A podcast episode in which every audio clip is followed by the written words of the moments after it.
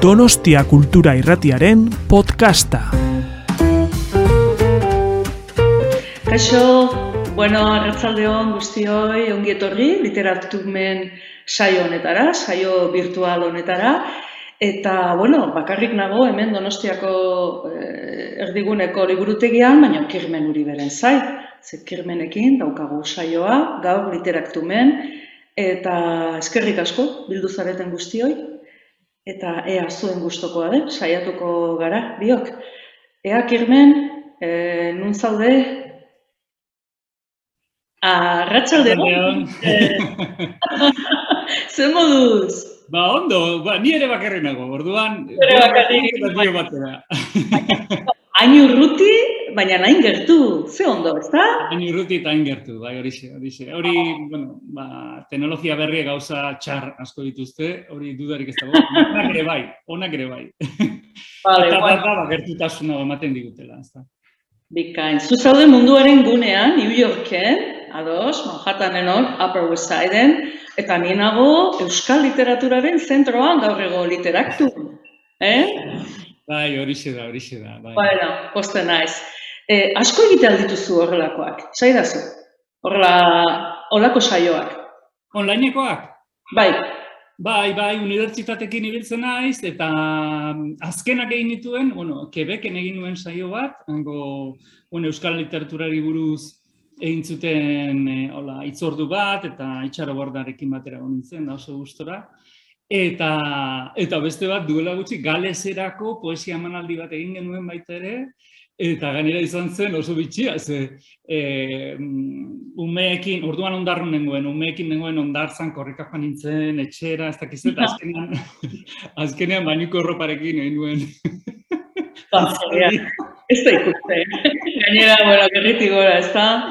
Vale, bueno, poste Gaur ez, gaur ez, lasai, gaur ondo jantzita nago, bai. Bueno, Gogoan hartu nuen, orduan, nola, agertu zen New York Timesean, New York Timesean argazki bat, eh, emakume batena, eskolak ematen zituena, eta azpian umeak ikusten zitzaizkion, ez? O, eh, mai azpian, ez? Eta gero, behian nola, nola komentatzen zuten, ba, emakumentzako bereziki gogorra izan zela pandemia, ez? Lana, umeak, eta Claro, claro. Bueno, nik uste estudio horiek danok ikusi ditugula. Kontatu behar dituzue, noiz bait. Aizu, gainera, konturatzen naiz, joan den ostegunean ere elkarrekin ginela, zure, e, bueno, zure obrari buruzko liburu bat aurkezten, Kirmen Uribe bizitza fikzioa, bai, eta espainolez ere. E, nola bizi duzu, hola, hainbeste, bueno, rekonozimendua, kritikariok zure lanaz esaten ditugunak, e, irakurketa hori denak, nola bizi dituzu? Ze etengabe zaude olako kontuetan. Bai, gozada bada hori, suerte handi bada, gozada bada. E, batez ere zuek hartzen duzuen lanagatik, eta hartzen duzuen denboragatik nire lanak irakurri eta zerbait idazteko horri buruz, ez? Ze, gaur egunean ez dago ezertzen, denbora da urrea, ez? Gure, gure bizitzetan. Eta benetan eskertzen dut, hor zaute zu leire harri eta lurro egi, ez dakit, ez? Zenbat, zenbat eta hemengo jendea, saliperret, Bai, eh, Martín Estudillo, Estibaliz Ah. Esquerra, bueno, Ah, Ez dizkerra, azkerra ez bera, bueno, hainbat eta hainbat jende, ba nire lanak aztertzen. Kritika behar, behar, behar, behar, beharrezkoa du idazleak. Bai. Em, liburuari da mugitzen, eta, bueno, pozik gaude, azken batean irakurketak eh, partekatzen ditugu. Izugarri gustatu zitzaidan, eh, zure autopoetika. Esaten zenuen, da pixka bat zure obraz hitz egingo dugu. Eh? Eta gero sartuko gara azkeneko eleberrian, esan behar diet entzulei, jo, mesedez, eskertuko ditugula galderak. Hau da, kirmen eta ni ordu erditxo bat hitz egiten arituko gara, baina mesedez, gero parte hartu, zai gaude, bale? Animatu. Ez, esaten zenuen, e, nola zan, e, desobedientzia gida liburua. E, desobedientzia bizitzan, artean, baldago ezer, eleberria zari garela, ezer apurtzeko, ja, ia dena. Ez? Bai, jakina. Jakina da. Jakina dagoela apurtzeko. eh?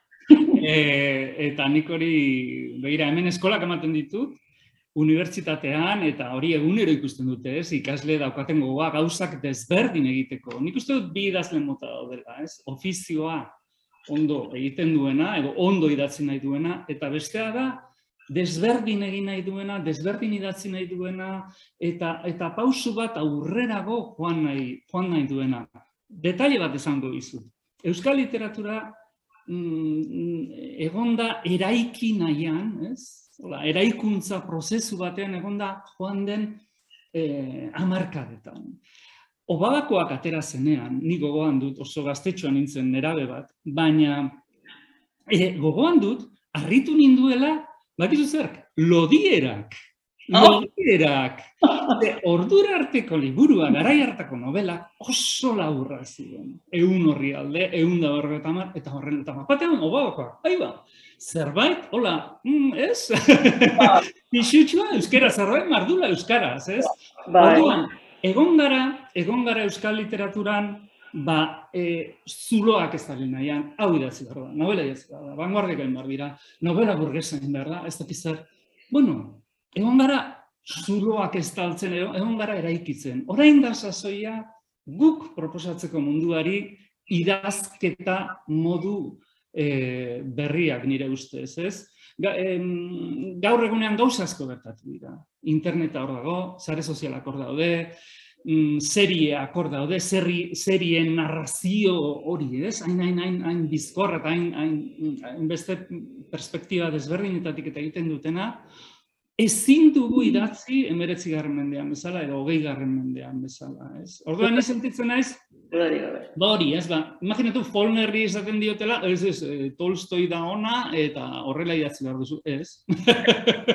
Folnerrek ez duzu, nik, nik idatzi nahi dut, zinea ikusi dut, eta zineak erakutsi dit, narratzeko beste erabatzeko, orduan hori eraman nahi dut, ero Clarice Lispectorrek, ez? Clarice Lispectorrek ere sekuletzuen idatziko eh, zazpiren horri aldeko novela bat. Dena dela kirmen, eh, joe, diskurso aldatu behar dugu. Eta zan, beti gaude diskurso horrekin, ez? Euskal literaturak, ze pauso eman ditun, eh, inkluso atzerapen hitza aipatzen da. Eh, yes. Gara literatura jarraitzen dugunok, aspaldi konturatu gara, e, bueno, euskaraz irakurtzen dugunok, eta gure sortzaileen lanak, bueno, en fin, panorama, e, bueno, aserretetzen gaituela, baina aspalditik, eta bai. konparatzen hasten bazera, esaten duzu, bueno, haizu, en fin, e, danetari dago, baina leku guztitan, baina jo ez ondo. Eta ze, bueno, ospatzen ari gara, hemen, zure obra besteak beste. Bai, bai, dudarik ez daukat, eh? Ira, literaturaren iraultza... Osea, pixka bat, eh, bai, eh, beranduago, berezitasuna, ez gara interesiak. Eta hor, arrazoi dezu esan dezun hori, ez? Mundua globala da, en fin, elkarri dugu aspalditik, ez? Dena dela. Bai, bai, eta, eta, eta daukagunari errespetuz begiratu behar zaio. Dudarik. Eta nik uste dut, e, literaturaren iraultza gutxien gotatik etorko dela. Eta ari da etortzen, ari da etortzen. E, Claudia Rankinen poesia adibidez, afroamerikarra da, egiten du poesia, baina ez du poesia ematen, da prosa e, edo saiakeratik urre dagoen poesia bat, formaz oso oso oso desberdina, Eta non dator gutxiengo batetik? Ba, Euskaldunok ere hori ari gara egiten. Mundua gutxiengoz betea dago, bueno, eta gainera gogoratzen zara moroak gara behelaino artean zarren hendiak esaten zuena, ez? Mundu literatura azkenean, herrialde txikien itzulitako literatur hori da, bai, gunea harrapatu nahian, ez? Gunea zari garela, iragarrita zegoen zu New Yorkera joan zinela, ez? Bilbo, New York, Bilbon, bueno, ja, hortxe, bai, e, bide bat ez, gaur ikusi dut baita ere bitartean heldu eskutik berriro argitaratu dutela inglesez, e, Facebooken atera da berria, e, bueno, idazle, ia diasporiko bihurtu zara, rondu egin behar da, etxera itzultzeko? Bu, zenba galdera, zenba galdera. Bai, bitartean heldu eskutikek oso oso harrera ona izan du hemen. Eta, eta baita ere Bilbao, New York, Bilbao, datorren urtean aterako da, aterako da edizio berezi bat e, estatu batuetan, estatu batuetan, ze e, editoriak idatzi zidan, maite mindu eginda formarekin, ez? Behar bada hori dugu, ez? E, ba, ba, Euskalduna bezalako literaturok, ez? Hausartu egiten garela bestelako proposamenak egiten. Eta esaten zidan, jo, novela hau, zer da, ez? Da iraultza bat, formalki da iraultza bat. Berak ez zion hainbeste garrantzi ematen Euskaraz egoteari edo ez. Baizik eta formari, ez? Nola dagoen eraikia e, novela hori, personaiari gabe, nire esan, personaia zentrali gabe, tramari gabe, e, hola, egazkin batean sartuta, novela bera ez da existitzen irakurleak eraiki behar du novela. Bueno, eta esaten zuen, guau, hau da behar duguna, Amerikarrok. Ze, ze ditore zari zara, Kirmen? Ze ditore zari zara? Zein da? Eh, Coffee Press House, hau da, eh, eh, ba, az, azken... Horen, iragarpena ikusi dut gaur. Hori? Bai, bai, bai, azken, eh, azken aldian, hola, Latinoamerikako, ba, punta-puntako idazleak ari dena ateratzen, ba, Valeria Luiselik hor ateratu du dena, Hernan Diazek ere hor ateratu dena, eta pixka bat, eh, fijatzen dira, literatura ez konbentzionaletan, eh, esan edut, formaren aldetik, eh? formaren aldetik. bueno, beraz, New Yorken ondo, naizte, profetikoa izan zen obra hori. bai, bai, izan zen. Horko giro literarioa, ze, bueno, pixka bat ezagutzen dugunok, nola bizi duzu, badakit hogei mila kontutan zabiltzala, baina adibidez irakurtzen ditugunean New Yorker dizkari ospetsuan argitaratutako e, poema horiek, ze feedback jaso duzu? Osea, nola da idazle baten bizimodua, euskal idazle baten bizimodua eh hortxe. Nola bizi duzu? Hori da literariokiari naiz, eh? Bueno, niri, niri New Yorkek eman di distantzia, ez? Da, askotan behar dugu distantzia maitatzeko bai gure herria eta bai personak ere bai. Maite ditugun personak ere bai, ezta? Eta distantzia honetatik nik uste dut gauzak argiago ikusten ditu dela, mm, kreatibidade handia eman dit eh, iriak, asko ari naiz ikasten. Ez da, ni naiz persona bat bizitzari asko eskatzen diona. Nik asko eskatzen dio bizitzari. Eta nahi dut ikasi, eta nahi dut gauzak probatu, eta nahi dut ba, novelak idatzi bestera batera, ez? Eta bizi, bizi nahi dut. Orduan, New Yorkek hori ematen dit. Ikasteko, ausartzeko, aldatzeko, e, ba, aukera bat, eta gure herria maitatzeko, baina bestera batera, ez da, distantzia honetatik. Eta, eta nola hartzen duten hemengo idazle eta mm, e, giro hortakoek e, ba, ba, gure literatura, edo nik hor ba, New Yorkerren eta beste hainbat aldizketan atera izan da, naturaltasunez hartzen dute. Naturaltasunez. Beraiek badakite Euskal Herria badagoela, beraiek badakite Euskara badagoela, metroan zoaz eta familian guk Euskaraz hitz egiten dugu, Eta jendeak esaten dizu, ah, ze hizkuntza da hori? Eta euskara, bai, euskara, ah, entzun da, eta Orduan, e, New York beti izan da migrante niri bat, kanpotik etorriketako jendearen hiri bat, eta egundaka hizkuntza hitz egiten dira hemen. Orduan, da hiri zabal bat. Mm Genial. Bueno, nahi duzu azkeneko novelaz eh, hitz egiten az gaitezen, orain datorren, datorren eleberriaz, bueno, abenduaren batean, e, aterako da, hori esaten, hori esan diazu, ez da? Eta durangoko azokan aurkeztuko duzu. Beraz, bai. izurde aurreko bizitza.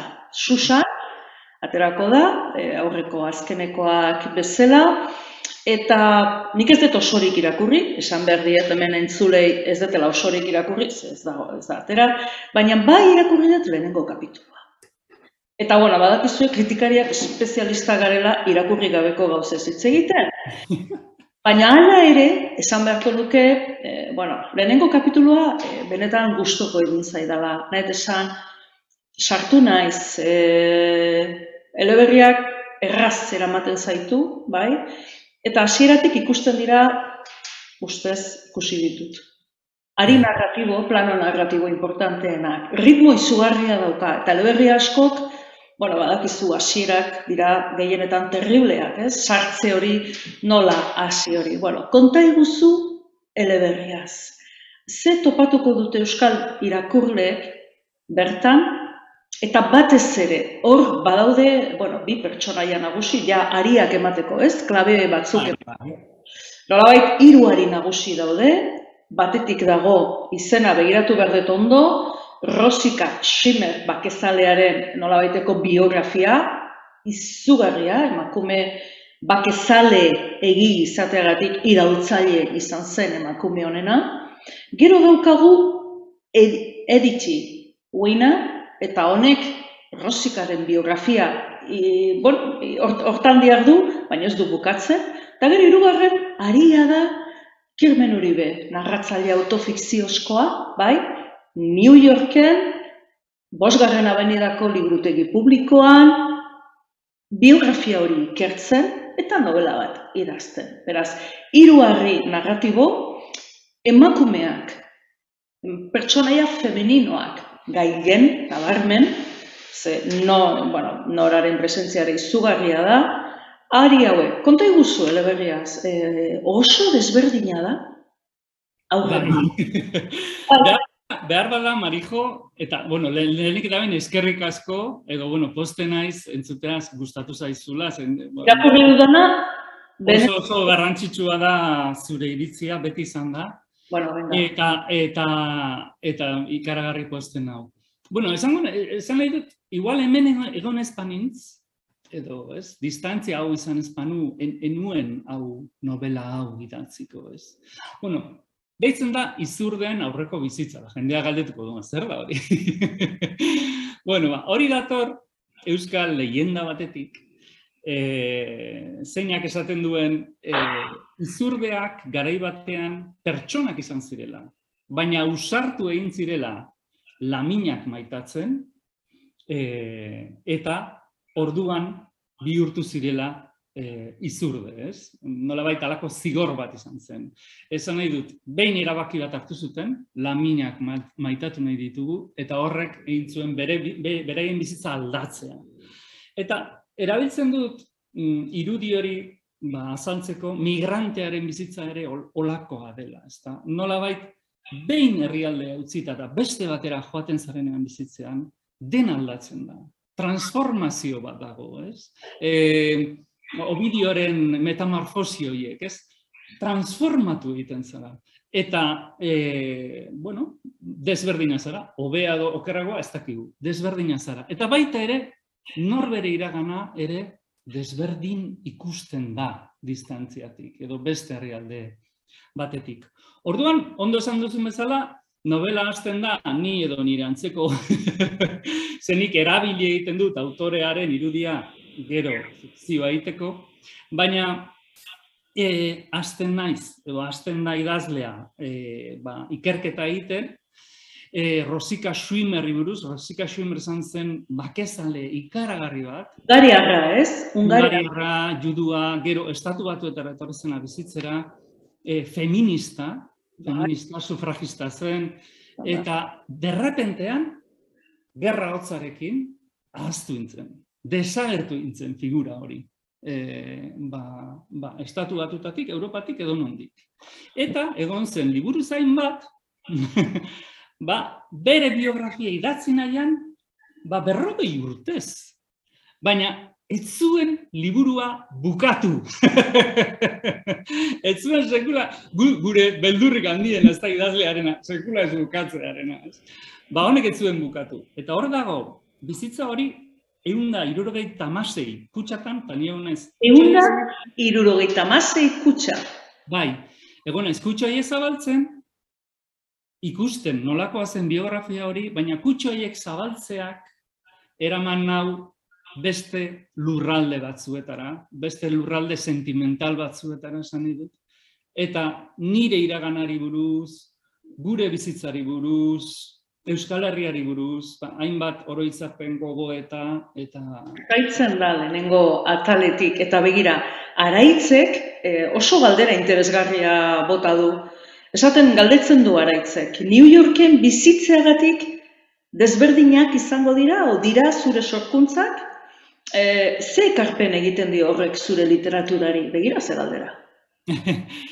Ba, agian bai, agian e, desberdinak izango dira, batez ere formaldetik. E, hemen, egia esan denbora gehiago dauka pentsatzeko. Denbora, hemengo, hemengo bizimodua da, dago oso lanera zentratua, ezta? Eta, eta denbora gehiago dauka pentsatzeko, denbora da, gehiago dauka lanerako, eta baita ere ni neu izateko, ni neu izateko, ez? E, bueno, azkenean, ba, bazaude hor mm, bakarrik, ez? Eta, eta bueno, ez? Ba, ba, ba, bakartasun horretatik eta distantzia horretatik ausartu egiten zara liburua beste era batera planteatzen. Liburu hau adibidez, eta hau aurreratu egingo dut, baina gehiegi izan gabe ez tekin nola esan. Forma aldetik ere, liburu honetako formak ere esan nahi du. Batzutan jendeak uste du forma soilik forma dela, ez, baina formak esan nahi dauka. Hori modernitatetik horrela da, forma eta edukia gauza bera. Bai, bai? segi. Orduan, hiru zati ditu liburuak, Mhm. eta zati bakoitza dauka forma jakin bat eta ahots jakin bat. Orduan, hori egitea han agian ba nintzen ausartuko, nintzen ausartuko. Baina hemen hemengo giroarekin eta hemen irakurtzen dudanarekin eta eta hitz egiten dudan, dudanarekin ba agian errazago egiten zait, ez? Diaspora, bueno, pixka bat, e, denbora labur bat ez kanpoan ere bizi izan nintzen, e, urrutiratzeak, distantziak, bueno, baita ere egoera bat da, animikoa, ez? E, oso deigarria da zure obran azkeneko eleberriak, exilioa, e, hau da, ez da oso e, komuna gure euskal literatura garaikide honetan, bueno, kenduta Joseba Sarrenendia bezalako bai idazleak, ez da, bai poesian Josebak narratiban gutxiago, bueno, lagun izoztua noski, baina zure obran e, izugarrizko pixua du, astapenetatik, eta ikusten dudanez, azken honetan, ez, e, orain ere jarraitzen du. Diasporez ari zara, migrante ez, e, exiliatu ez, aldendu ez, mm, Bueno, zergatik interes hori? E, orain hor zaude fisikoki, baina orain arte ez zara egon, kirmen.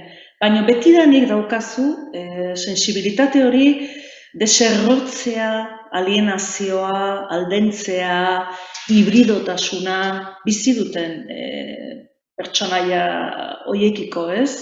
E, zergatik? Olako erakarmena hasieratik.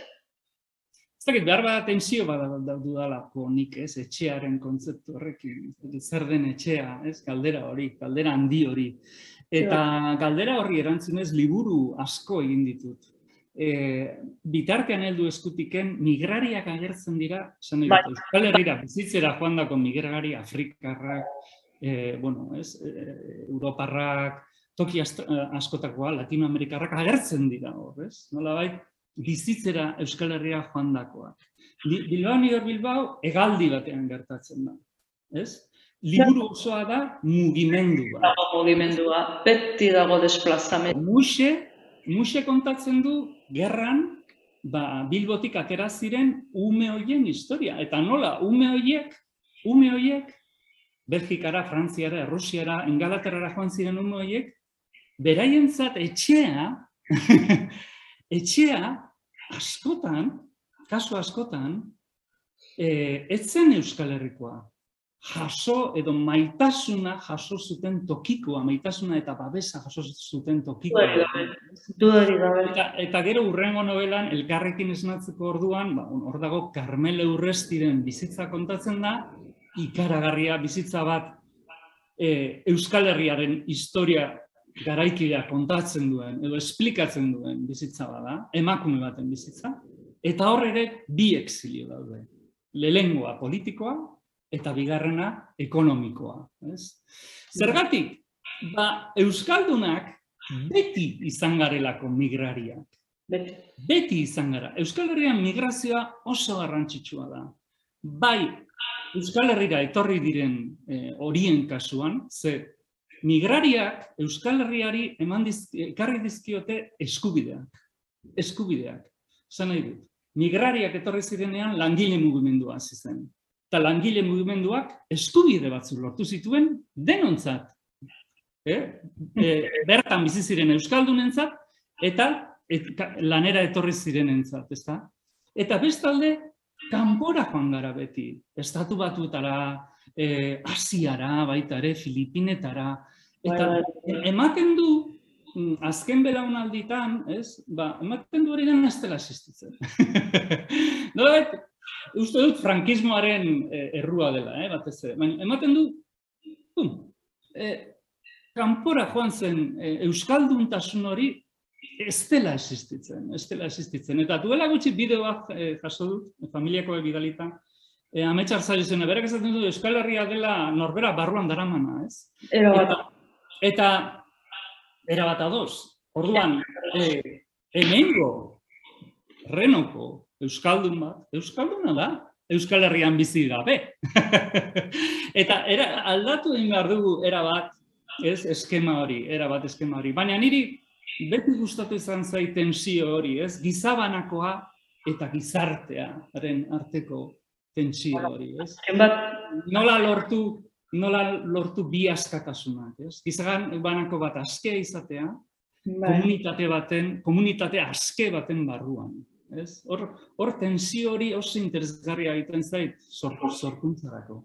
identitatea egin eta berregin egiten dugu gizaki eta komunitate. Kanpoan bizi izan garenok hori da, segurazki, horrek harrapatu gaitu, ez? Nola bizidan euskal identitatea, eta azken batean euskal literatura zari gara hemen, e, Mhm. beste modu, eh, mugimendu honekin. Bada beste kontu bat ala ere, ze zu ari zara benetako exilio ez hitz egiten. Hau da, zure obran e, oso deigarria da beti, bueno, errealitatetik, benetako biografietatik abiatzen zara fikzioa egiteko. Hori da literaturak egin behar duena, e, gerta zitekeena, eta igual etzana gertatu, kontatu, hori da helburua, horrek atentzioa deitzen dit izugarri ze, oso biografia potenteak e, nobelatu dituzu. Eta orain datorren novela honetan ere, bi emakume hoien e, biografiak dira benetan txundigarriak, zelako borroka pertsonala, e, bueno, daramaten bizitza guztian e, eskubide, ez? Genero ikuspuntutik euren eskubideengatik. Hori da literaturaren territorioa, gertatu etzena, baina gerta zitekeena kontatzea, edo Hori da territorio, hori da territorio berria, eh, Marijo, dakizun bezala literatura asko aldatu da. Eh, ez da, Bai. gauz bera, hogei garren mendeko, larogei hamarkadako literatura, edo gaur eguneko literatura asko, asko, asko aldatu da. Mm, Ze kontatu behar dugu, gizon heterosexual aspertu baten historia? Ez. ez. Bizitzarek, bere bizitzarekin zer egin ez dakien gizon heterosexual eta burges baten historia? Ez. Niri hori ez zait interesatzen. Ni, ni arrantzalen semean, ez? Ni, niri hori ez zait interesatzen, herri batean jaio nintzen, nik ez da zer ikusi dik horrekin. Orduan, eh, erakutsi ziguten hori, bai, personaia, ez dakiz zer, olakoak, atormentatuak, hori eraman behar da literaturara, derrigorrez, ez? Hori aldatu egin da. Hogeita bat garren mendeko personaiak oso desberdina dira. Oso desberdina dira. Eta berdin-berdin dituzte tentsioak beraien buruarekin. Eta berdin-berdin dira poliedrikoak. Eta berdin-berdin osatu alduzu eh, novela kalitatezko bat horrelako personaiak erabiliz. Badago beste gauza bat, eta dago oso importantea da hau, eta dago eskapismoaren aurkako joera bat gaur egungo literaturan. Esan nahi dut, asmazio utzean ez da sinesten. Hori izaten du Joyce Carol Oatsek, hori izaten du Rachel Kask bezalako idazle batek. Ez dute, bai, bueno, fikzio ondo dago, baina eskapismoa ez. ez? Jeitsi gaitezen lurrera, hitz egin dezagun benetako pertsonei buruz, hor kalean ikusten ditugun pertsonei buruz, ez? E, ezurra garagizko pertsonei buruz. Joera hori dago orain, ez? Edo Emanuel Carrerek egiten Bai, duen monozekin edo mugimendu hori dago nolabait iraultza bat da, egiten duena, ez, beira, aspertu gara, ez dakit nora joaten den literaturaz, edo, edo, edo gizon heterosexuala aspergarri ez hitz egiten duena, eta hitz egingo dugu beste jende bati buruz, ze mundu honetan daude edo gaude horiek ere. Jo, gai asko atera dituzu eta gainera oso oso interesantuak. Batetik, euskal literaturaren komplexu batzuk. Zan duzu herri txiki batekoa zala, gizon, bueno, gizarte heteropatriarkal bateko burges bateko pertsonaiak, hautatzeak, eh, hautatze hori derrigor ere izan dela, eh, hor komplexu bat ere egon da gure kasuan. Ezate baterako inguruko literaturetan, ez, ari naiz, e, Iberiar esparruan, katalanez, galegoz, badago landagirora itzulera sano bat, eh? batzuk ruralismo berria deitzen diote, hau da, hiri fantasmak berriro, bakizu ez, ustutako herri horiek. Gurean, horrelakoa e, petxa ezina da. Bueno, pelikula interes, adibes, am, e, amama, ez? Amama. Nahi esan, badago pelikuletan, badago eguralismo berri landu hori, edo adibidez, e, miren e, amurizaren basa. Bai. Esan, badago, baina gurean, e, badaude klitxe batzuk, gehiegi batzutan estuegi hartzen ditugunak eta gian gure komplexu ez ere hitz egiten e, dutenak. Alegia, eleberri on, garaikide, moderno, erakargarri bat e, idazteko, ez degula agian e, pertsonaia ezagun elitista edo edo irigune batean kokatu behar. Ez, nik uste hori Bai. gero eta gehiago demostratzen dela, ez da, Kirmen? Bai, ba, gertatzen dena Euskaldunak gara oso, ba, hau da novela ona, hau da bidea. gara oso mesianikoak, ez? Hau da bidea, bale, ba, hau da bidea. Ba, ba, hori, hori, hori ez da horrela, bide asko daude, bide asko daude. Bueno, horrek funtzionatu Katalunian gertatzen ari den, den bezala, jo, ba, Islandia, gero ira- i- irakurtzen dugu Islandia, irureun mila persona bizi diren irla bateko novela, eta esaten dugu, jo, ze ona!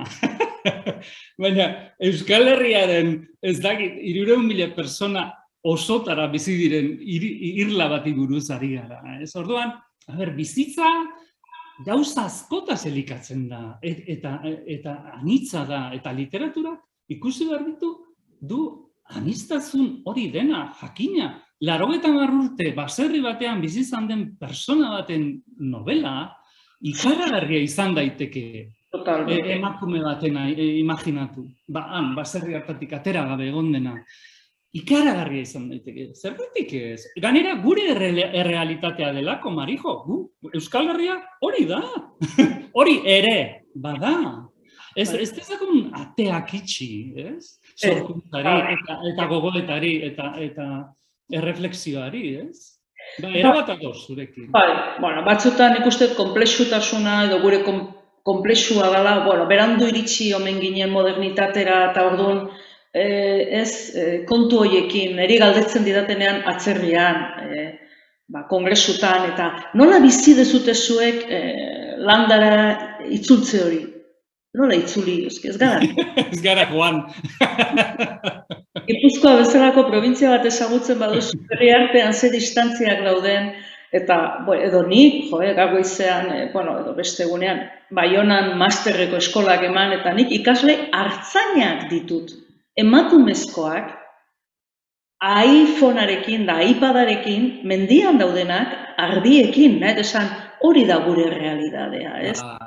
Iritsi zait, bide berriak esploratzea, eleberrian da, ez, bueno, eh, funtzionatzen duela noski, eta igual beharrezkoare badela, ez, momentu Bai. batean. Bai, eta gauza bera eh, tradizioari buruz.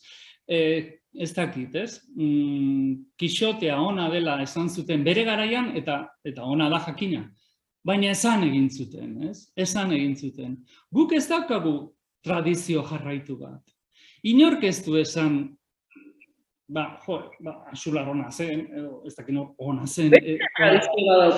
E- eta, eta jarraipen bat izan euskararen kultura horrek, ez? E, ba, mendeetan ez dugu hori euki. Ez dugu hori euki, bueno, ba, arrazoi politikoengatik, ez da? Euskarak ez du babes hori euki.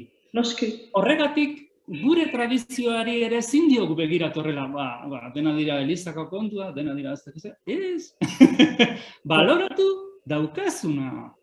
Ba, ba, ba. Eta, eta irakurri beste begi batzuekin, beste begi batzuekin. Bueno, batez ere ezagutu, jo, eh, liburutegi, liburutegi batean nago, eta zu liburutegi bateran joan zara azkeneko eleberria gaztera. Gaina joan zera liburutegi emblematikoenera. Hau da, eh, ezagutu behar dugu daukaguna, eta, eta, bueno, eta gozatu, eta gaurko begiekin, bai, irakurri. Bale, esaten zenun gauza bat oso oso oso deigarria, errealitate eta fikzio kontu horretan, ez? E, bueno, gaur egunean nik uste onartzen dela historia maiuskulaz, historia minuskulaz, dana da fikzioa. Garai batean Borgesek esan bazun, dana da fantasia, errealismo eta fantasia arteko mugarik ez dagola. Nik uste zure nobelek, gero eta gehiago, erakusten digutela, bueno, historia txikien haunditasuna, ez? E, pertsonaia ez ezagun hoien, ez? Hau da, eh, Robert Muxeri paperezko hilobi bat egin zenion bezala, susmatzen dut novela honetako protagonistei beste bizitza bat eman diezula. Hau da, hori bada literaturaren zeregina, ezta? Txermen. Bai, bada, bada. E, esan ez den hori kontatzea, hori dudarik gabe. Eta gaur eguneko literaturak hori asko egiten du. Asko egiten du. Eta gainera hori egin dezakezu kalitatezko era batean. egin dezakezu forma zainduz, egin dezakezu ez dakit, ez? E, benetan proposamen berritzaile eta eta modernoak eginda, ez? E, beti Bernardin Esposito adibidez, duela pare bat urteko Man Booker Prize hori, kontatzen du Londresko eh, emakume mm, afro-britaniarren bizimodua, baina kontatzen du oso era moderno batean, oso era moderno batean. Bueno, Eta gu daukagu beste hori sartuta, ez gure gu garelako prejuizioak ditugunak, baizik eta sartu dizkigutelako prejuizio horiek. Uste dugu, jo, ba, gutxiengoetakoen historia direla, ba, pues, bueno, baina hori da pizkat, bueno, ez? eta ez, ez, gaur egunean, buelta mandu tortillak, era bat, era bat. Eta interesatzen duena da, kontatu besten hori kontatzea.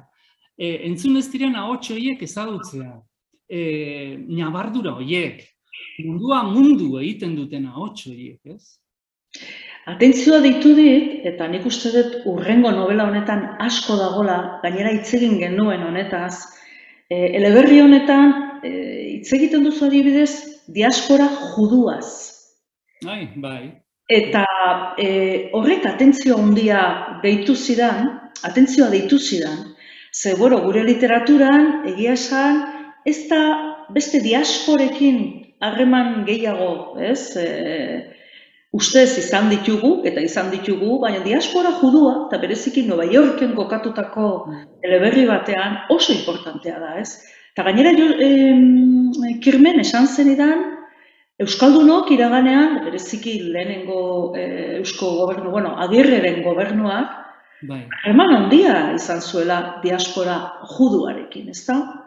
Bai, bueno, noveletako gai, hola, niri gustatzen zait, hola, gai zentrala daude eta gero gai txikia ditu, ez, novela, niri, ez dakit, niri pizkat, hola, margolaria banintz izango nintzake, hola, del, del, del boskore modukoa, ez, hola, detaili txikiak, eta, eta detaili txiki horietako bat, da, ba, bai, juduak dira, New Yorkeko juduak, eta bai, harreman handia izan zuen agirreren babes, agirrek babesa, hemen New Yorken lortu zuen eh, ezkerreko judu hoiengatik, ezkerreko judua joan ziren baita ere Lincoln Brigadan eh, borrokan egitera, juduak eta afroamerikarrak, eh, joan ziren eh, errepublikaren alde borrokatzera, eta juduen babesa lortu zuen hemen.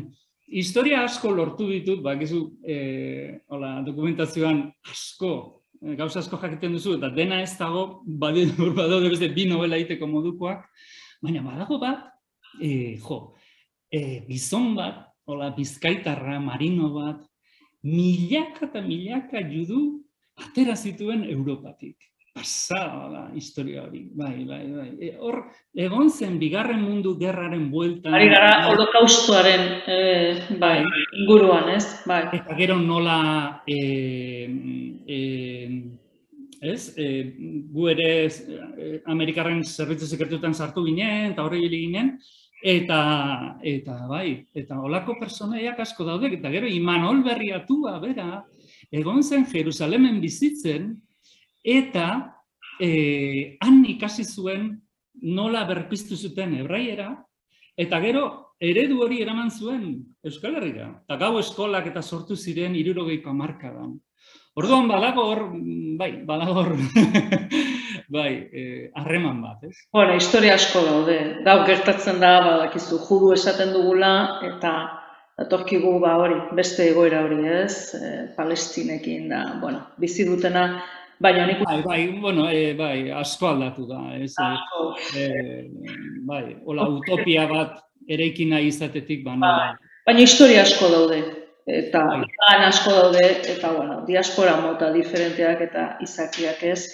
E, Naho begira, ze zutani egon gaitezke eradean hitz egiten, eta ez dakit, e, abai, badauzkagu galdera gehiago, bueno, eus, dauzkagu entzule zoragarriak, hori ere esan behar dut. Amaia galdetzen du, ai, bueno, a ber, bi galdera daude. Bai. A ber, bi galdenetik hasiko naiz. Pilar Rodríguez, gaina Pilar Rodríguez lankide zoragarriak galdetzen du. Esaten du, bai. bai, bai, deustuko irakasle eta, bueno, kolega zoragarria. Hainbat idazlek ikerketa idazketan sartzen duzue. Katisa Agirrek eta Aixa dela Cruzek adibidez protagonistek idazten duten doktore tesiaz hitz egiten dute. Hau da, ikerketa zuen nobeletan dago. Ona hemen Rosika Schuimer sufragistari buruzko ikerketa ere. Zergatik dago konkretuki zure nobeleta, eta bueno, Katisa aipatzen dut, Aixa dela Cruz ere bai, ikerketa e, martxan dauden ikerketa horiek azaleratzeko e, desira. Zergatik beti dago ikerketa bat? Ba, e, egiazkotasuna e, bilatu nahi delako, ez? Gauza bada erreala eta bestea egia. Eta egiazkotasuna bilatu, bilatu nahi delako. Dokumentuek egiazkotasuna ematen dute, ez? Hor, ikusten duzunean dokumentu bat ez da hau benetan gertatu zen, ez? Orduan, bai. froga bat da, benetan lurrera eramaten, eramaten zaituena. E, bai, nire kasuan, gainera hori beraria zein nuen elkarrekin esnatzeko orduan, hainbat dokumentu daude. Euskal, zoratzeko moduan. E, e, baina, e, beraria zein nuen, nahi nuen irakurleak dokumentuak, dokumentuak, dokumentuak, dokumentuak, ikustea, ikustea, ez? Nola, e, e, ze pixu izan zuen emakume horren bizitzan, ba, estatuak, ez? Ze, ze pixu izan zuen, e, ba, e, ez? Ola, Consejo de Guerra, ez dakiz e, polizia, apaizaren e, e, agiriak, ez dakiz... Estatea gainditzen dut Bai, eta ze pixu izan zuen emakume horren bizitzan, inguruak, ez? Edo, edo, edo realitate jakin batek. Eta hori azaldu egiten da, e, bete-betean doaz dokumentuak. Idazle? Kasuetan, ez dago hainbeste dokumenturik. e, ez dut, mm, Karmeleren kasuan, edo elkarrekin ez estantzeko orduaren kasuan, erakutsi nahi nuen emakume honi hau gertatu zaio. Hori erakutsi nahi nuen. Ez? Da, da, e, da dokumental bat izango baritz izan. Fikziozko dokumental bat. Bueno. Eta Orain, ez da beste dokumenturik, ze e, interesatzen zaidana da gehiago, ze eragin duen rosika lehen bizitzak gugan, nigan eta irakurlearen gan. Hori gehiago interesatzen zait. Ez? Azkenean, e, deskubritzeak personaia bat, hain bakezalea zena, hain feminista zena, zu zeu ere aldatu egiten zaitu. eta aldaketa hori ikusi egingo da novelan. Ikusi egiten da novelan. Ez? Aldaketa hori ikusi egiten da. Orduan, mm, mm, nola baita esan, novelantan ez dira hain, hain muntazkoak agiriak, ez dira hainbestea saltzen, novelatuago dago, irakurri duzu, ez da dokumenturik agertzen, Ez. bai bera, beraien bizi. Lehenengo atalean ez. Ez, Baina novelatua da, novela bat da, ez dago ia, ia agiririk. Zergatik gehiago interesatzen zatzen zitzaidalako bestaldea, ez? Kutsa zabaltzen duen horrek ze sentitzen du holako zerbait irakurtzean. Hori. Bueno, Kirmen, ikerketa egiten duenean azkenean idazleak eta bere obra barruan ikerketa prozesu bat kontatzen duenean, azkenean metafora hutsa da, da zuen jardunaren nolabaiteko, eh, si, bueno, antze, mm, metafora edo irudi bat. Zuen Bai. zara bizitza ikertzen, baina ikertzea eta iragana bisitatzea sortzea da. Sortze hutsa. Da. Eta hori da, sortzaile bat zara. Bai. Iraganak sortzen dituzu gaurtik, orduan, bueno, partekatzen ditugu iragan horiek. E, da, beste galdera bat, eta galdera hau e, nik ere egiteko asmoa banuen, eh? Amaiak galdetzen du, e, bueno, eta galdera honi gauza ber, badakizu esate dutela hijituek, kanpoan bost urte eh, emanez gero, gero bost sei itzulera zaila dela. Bai? Zuk lau dara matzazu New Yorken. Eta amaia galdetzen du e, Euskal Herrira itzultzeko asmorik? ez que ez gara joan. Ez dira Euskal Herritik atera. Ez joan Euskal Herritik. Hori. Esango nuke, Euskarak ekarri nagona. Hori. Euskarak ekarri nahu. Nik Euskaraz egin dudan ibilbideak ekarri nahu. Aurkeztu nuenean beka, esaten nuen Euskaraz novela bat idazteko zela. Eta hala ere Amerikarrek esaten zuten, ah, ba oso ondo, ba etorri eta idatzi. Orduan, berain gonbidapena jasoz, etorri ginen ona, baina ez gara erabat joan. E, gaur egungo... Zara joaten. Gu zara kontaktuan gaude, horko prentsa irakurtzen dut, horko jendearekin harremanetan nago etengabe, horko munduarekin, e, aurkezpenera noa, durangora noa, gero gabonetan goaz, gero udaberrian ere joango naiz. Orduan, e, ez da eten hor zilborrestea, nola baita esan, ez? Hor, joan etorri batean e, bizi gara. Hala ere, itzulerena oso, oso, oso interesgarria da, eta novelan ere nabarituko duzue nola badagoen bukaeran alako itzulera bat, ez? Bueltako olatu bat, bueltako olatu bat, baina ez dindi kontatu. Bueno, Firmen, eh, jo, eske denbora gutxi daukagu, motz geldituko zaigu hau, beste galdera bat daukagu, eta oso interesgarria maitane. Kirmenek hausnarketak, eh, Kirmenen hausnarketak entzunez, zer autu zait? Euskalduntasuna, Euskalduntasuna ulertzeko modua, noiz edo noiz itogarria ez ote den, Euskal Herrian bertan zaudenean eta distantziak, eh, keria batzuetatik askatzeko balio ote duen zelako hausnarketa ona maitane egiten diguna. Bai, baliteke. Bai, bai, hombre, lasaiago, bai. Badaude, badaude inertzia eskor batzuk hor Euskal Herrian eta edo hemen Euskal Herrian, ez dakit nola esan. eta, bueno, ba, inertzia horietatik ateatzeko aukera ematen dizu eta eta bueno, pixkat, ez, eh, bueno, ba, gauzak lasaiago ikusteko ere bai, ez? Ez daude talka etengabeko batean. Eta hemen ja, ez zaude talka batean eta bestera batera ikusten dituzu gauzak.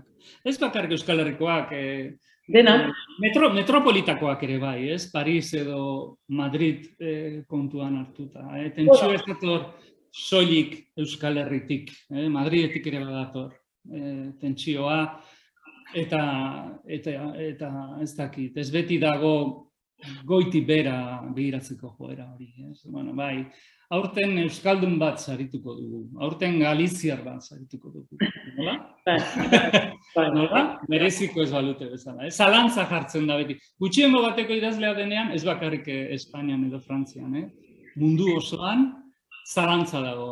Ah, eman diote Euskalduna delako. Ah, eman diote emakumea delako. Emakumeak ez zarete gutxiengo, eh? E, edo, edo eman diote Afrikarra delako. Zeba.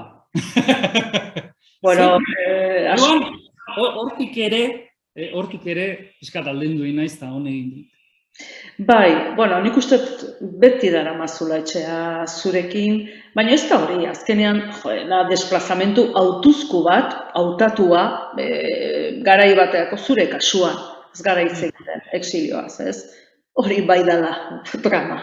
Baina, esan nahi dut, autuzkoa da, eta, bueno, e, distantziak laburra dira, baina beste intensidade batekin bizi da idazketa familia, E, imaginatu, bueno, txorakeri bat esatera, no? Eta da nire esperientzia personala.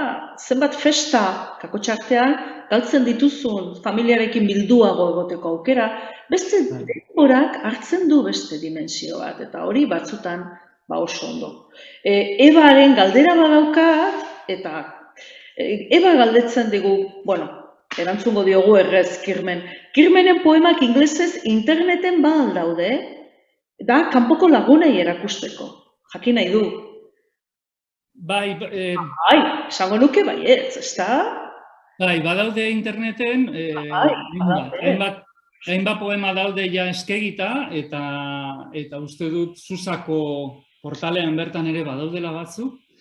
Eta gero, eh, ere hor, hor eskura gehi dago, eta, eta bai, badaude, badaude inglesez, bai. Gaina Elizabetek itzuliak, hain ondo. Elizabeth McLean kategoria, bai. Susan webgunean ere itzulpen asko dauzkate, eta gero dago baskpoetry.net Hori da. Euskal Poesia webgunea, e, izugarrizko alegina egin da hor, hainbat e, jo, itzul, itzulpenak egiteko, eta gainera, esan beharko nuke, ikusita nortzuk itzulitako poema dira, kategoriakoa dira, beraz, zorionez, sarean, e, eba, e, e, bueno, gauza asko dago, euskal literaturan gerota gehiago, hau ere sarean egongo da, editatuko dutelako, eta esan behar dut, barkatu, zehaztuko zait, hemen dauzkat dana batzen.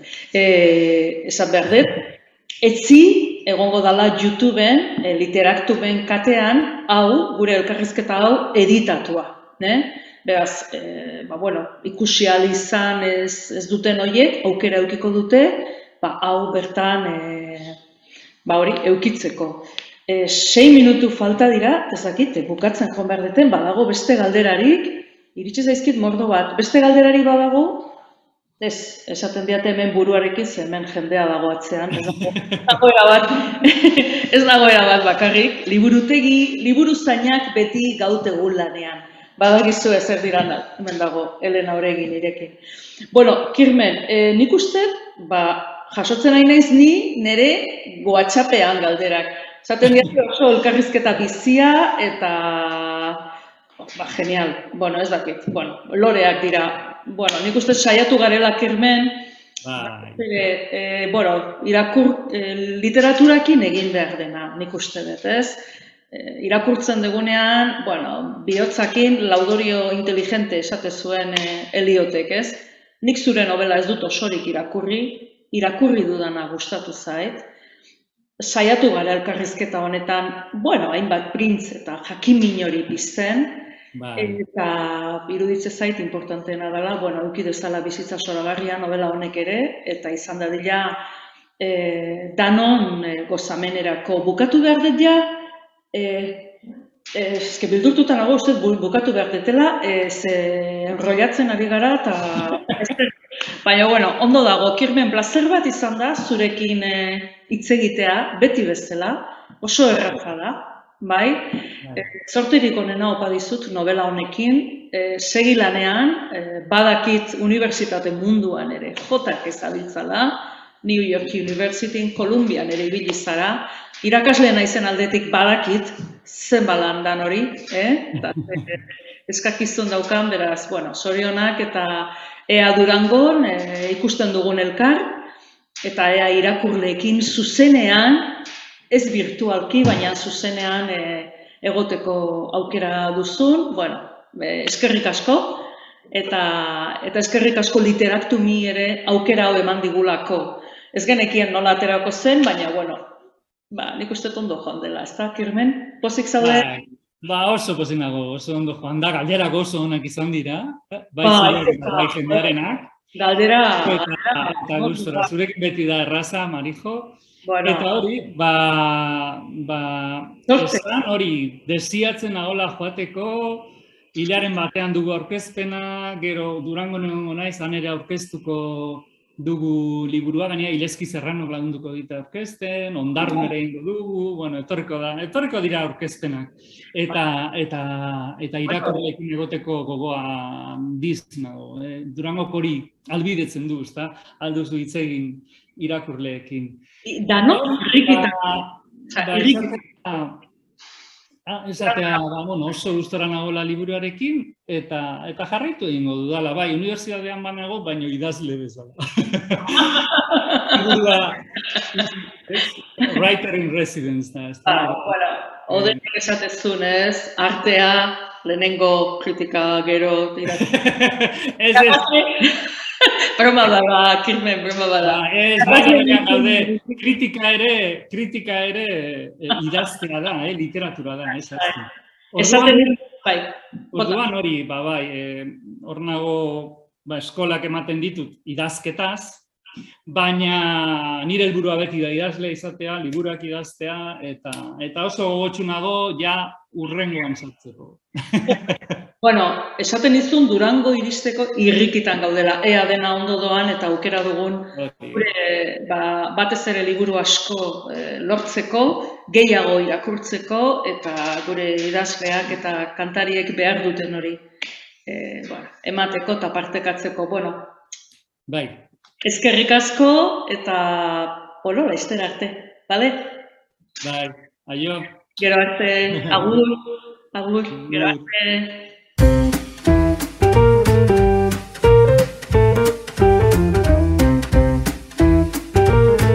Donostia Kultura Irratiaren podcasta.